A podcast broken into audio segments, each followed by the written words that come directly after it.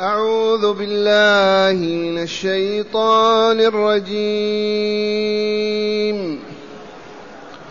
ألم تر إلى الذين يجادلون في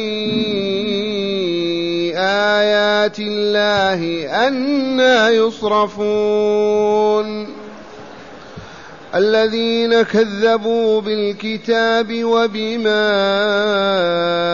أرسلنا به رسلنا فسوف يعلمون.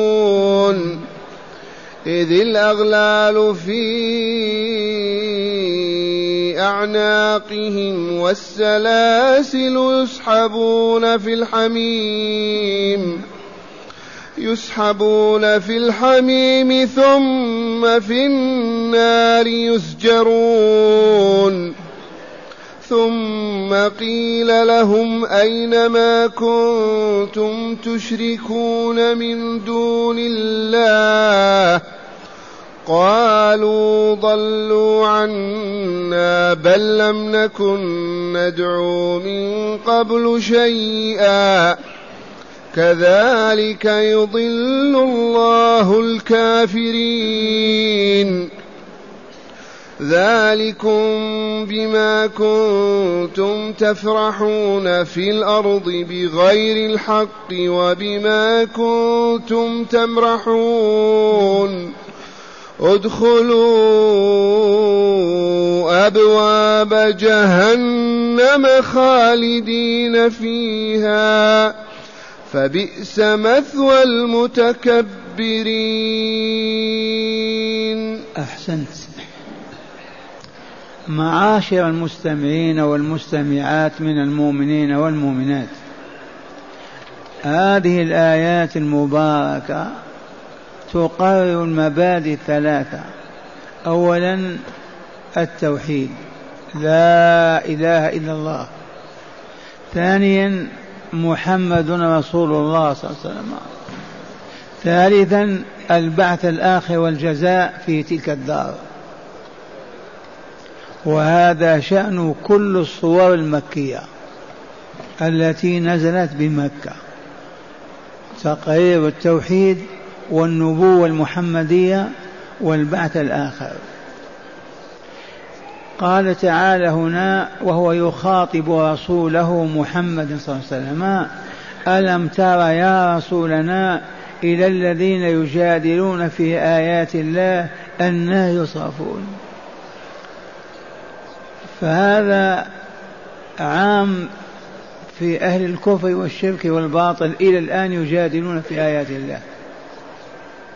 ويتناول الذين نفوا القدر. وهم المعروفون بالقدرية. يجادلون في آيات الله ليصرفوا الناس عنها ليبعدوا الناس عن آيات الله. يحرفونها ويؤولونها لصرف الناس عن الحق. فيقول تعالى أن كيف يصرفون؟ من هم هؤلاء؟ قال الذين كذبوا بالكتاب أي بالقرآن الكريم. ويدخل في هذا كل كافر إلى اليوم. كل من كذب أن يكون القرآن كلام الله وكتاب الله فهو مكذب وكافر. وبما أرسلنا به رسلنا من العبادات والشرائع والأحكام التي أرسل بها تعالى رسله من نوح إلى خاتمهم محمد صلى الله عليه وسلم. والملاحدة والعلمانيون بلاشفة و كلهم ينكرون الوحي وينكرون الرسالات ولا يؤمن بشرائع الله. موجودون إلى الآن. الذين كذبوا بالكتاب بالقرآن أبوا أن يقولوا كلام الله وكتاب الله وهيا بنا نقرأ ونعمل. لا أبدا. يقولون سحر وتدجيل وكذب. وكذبوا بما أرسلنا به رسلنا من الشرائع. والأحكام وعلى رأسها التوحيد وإثبات النبوة والدار الآخرة. ثم قال تعالى فسوف يعلمون. هؤلاء الذين عاموا وضلوا وكذبوا والله لا يعلمون في يوم من الأيام. فسوف يعلمون. متى بالضبط قال إذ الأغلال في أعناقهم. الأغلال جمع غل حديدة في توضع في العنق ويسحب منها صاحبها. والسلاسل جمع سلسلة توضع في الأرجل والأيدي ويسحبون في جهنم. لطيفة علمية سأل أحد الفقهاء في السلف الصالح هل يجوز أن نأخذ الآن الشرط يجوز أن يأخذ الظالم السارق الجاني بحديدة في عنقه؟ قال الجواب لا توضع في يده ويسحب بيده لا بعنقه. لماذا؟ قال لأن هذا من عذاب الله للمشركين في النار. والرسول الكريم يقول النار عذب الله بها من شاء فلا يصح أن نعذب بها نحن من نشاء. بمعنى ما يعذب الله به لا نشبه نحن ونعذب به.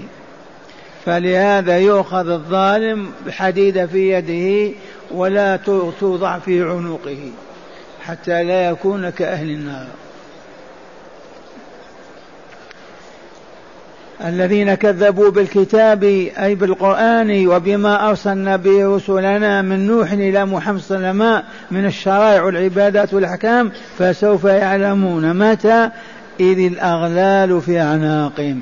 يعلمون يوم أنهم كانوا كافرين كاذب مكذبين مشركين على الباطل ظلم فجر فسق ويتجلى ذلك لهم كما هو. إذ الأغلال في أعناقهم والسلاسل في أرجلهم يسحبون. يسحبون في الحميم. الحميم ما حار انتهت حرارته ما فوقها شيء. يسحبون فيه في الحميم. ثم في النار يسجرون توقد بهم النار. أصنامهم وآلهتهم الباطلة كلها تحرق معهم. في الحميم يسحبون وفي النار يسجرون أي يحترقون ويكونون هم حطب جهنم. هم حصب جهنم. ثم تقول لهم الملائكة الزبانية المكلفون بتعذيبهم ثم قيل لهم أين ما كنتم تشركون؟ أين أصنامكم وأحجاركم وآليتكم الباطلة التي كنتم تشركون بها؟ أين هي؟ قالوا ضلوا عنا غابوا عنا أو أرادوا أن يدعوا أنهم ما عبدوا. قالوا ما ضلوا عنا. بل قال تعالى بل لم تكن بل لم نكن ندعو من قبل شيئا. كذبوا. ما كنا ندعو من قبل في الدنيا شيئا أبدا. وهذا الموقف يقفونه لخزيهم وعارهم وذلهم وما نزل بهم. الملائكة تسألهم أين ما كنتم تشركونهم؟ قطعا ليسوا بموجودين لا أصنام ولا ملائكة ولا ولا. قالوا ضلوا عنا هم في طريق ونحن في طريق ما اهتدينا إلى بعضنا البعض.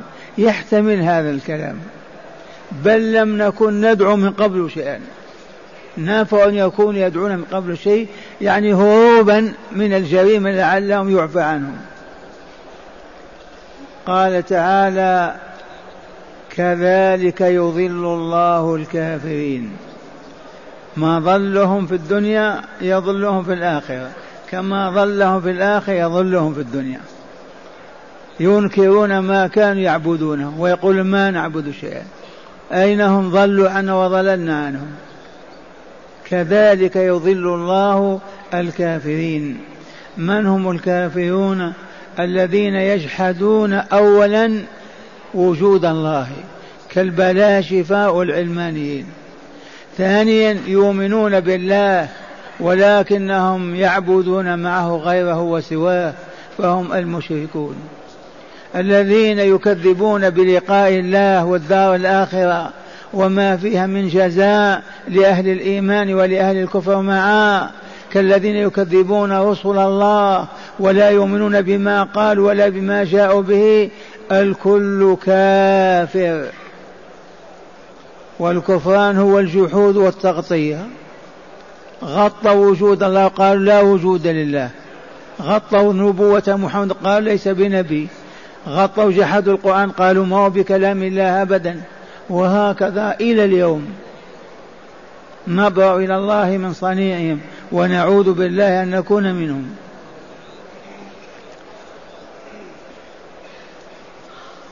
قال تعالى ذلكم بما كنتم تفرحون في الأرض بغير الحق وبما كنتم تمرحون. أي ذلكم الخزي والعار ذلكم العذاب الأليم ذلكم الأصناف من أصناف العذاب. كل ذلك بسبب أنكم كنتم في الدنيا تفرحون. لا يعبدون الله يشتغلون بالباطل يأكلون ويشربون وينكحون ويلبسون وهكذا. والمرح فوق ذلك. المرح أشد من الفرح. ومعنى هذا ما هي دار فرح هذه ولا مرح. والله ما هي دار فرح ولا مرح. ولا يفرح فيه ولا يمرح إلا الكافرون.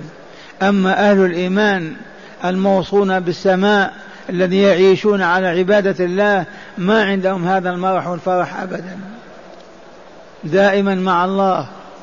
ذاكرين شاكرين عابدين ليل نهار واسمعوا ما قالت لهم الملائكة أي الزبانية. ذلكم الذي حصل لكم بسبب أنكم كنتم تفرحون في الأرض بغير الحق. لو فرح بالحق جاز له ذلك لكن يفرحون بالباطل. وبما كنتم تمرحون وتتبخترون و من من ألوان المرح والفرح. حينئذ يقولون لهم ادخلوا أبواب جهنم. وأبواب جهنم سبعة. أبواب الجنة ثمانية. أبواب الجنة سبعة. أبواب الجنة ثمانية. دا طبقات واحدة فوقها. درجات. درجة فوق درجة.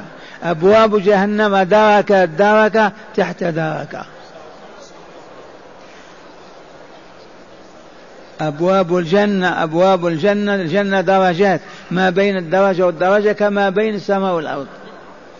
دركات جهنم دركة تحت دركة لا يعرف مداها إلا الله.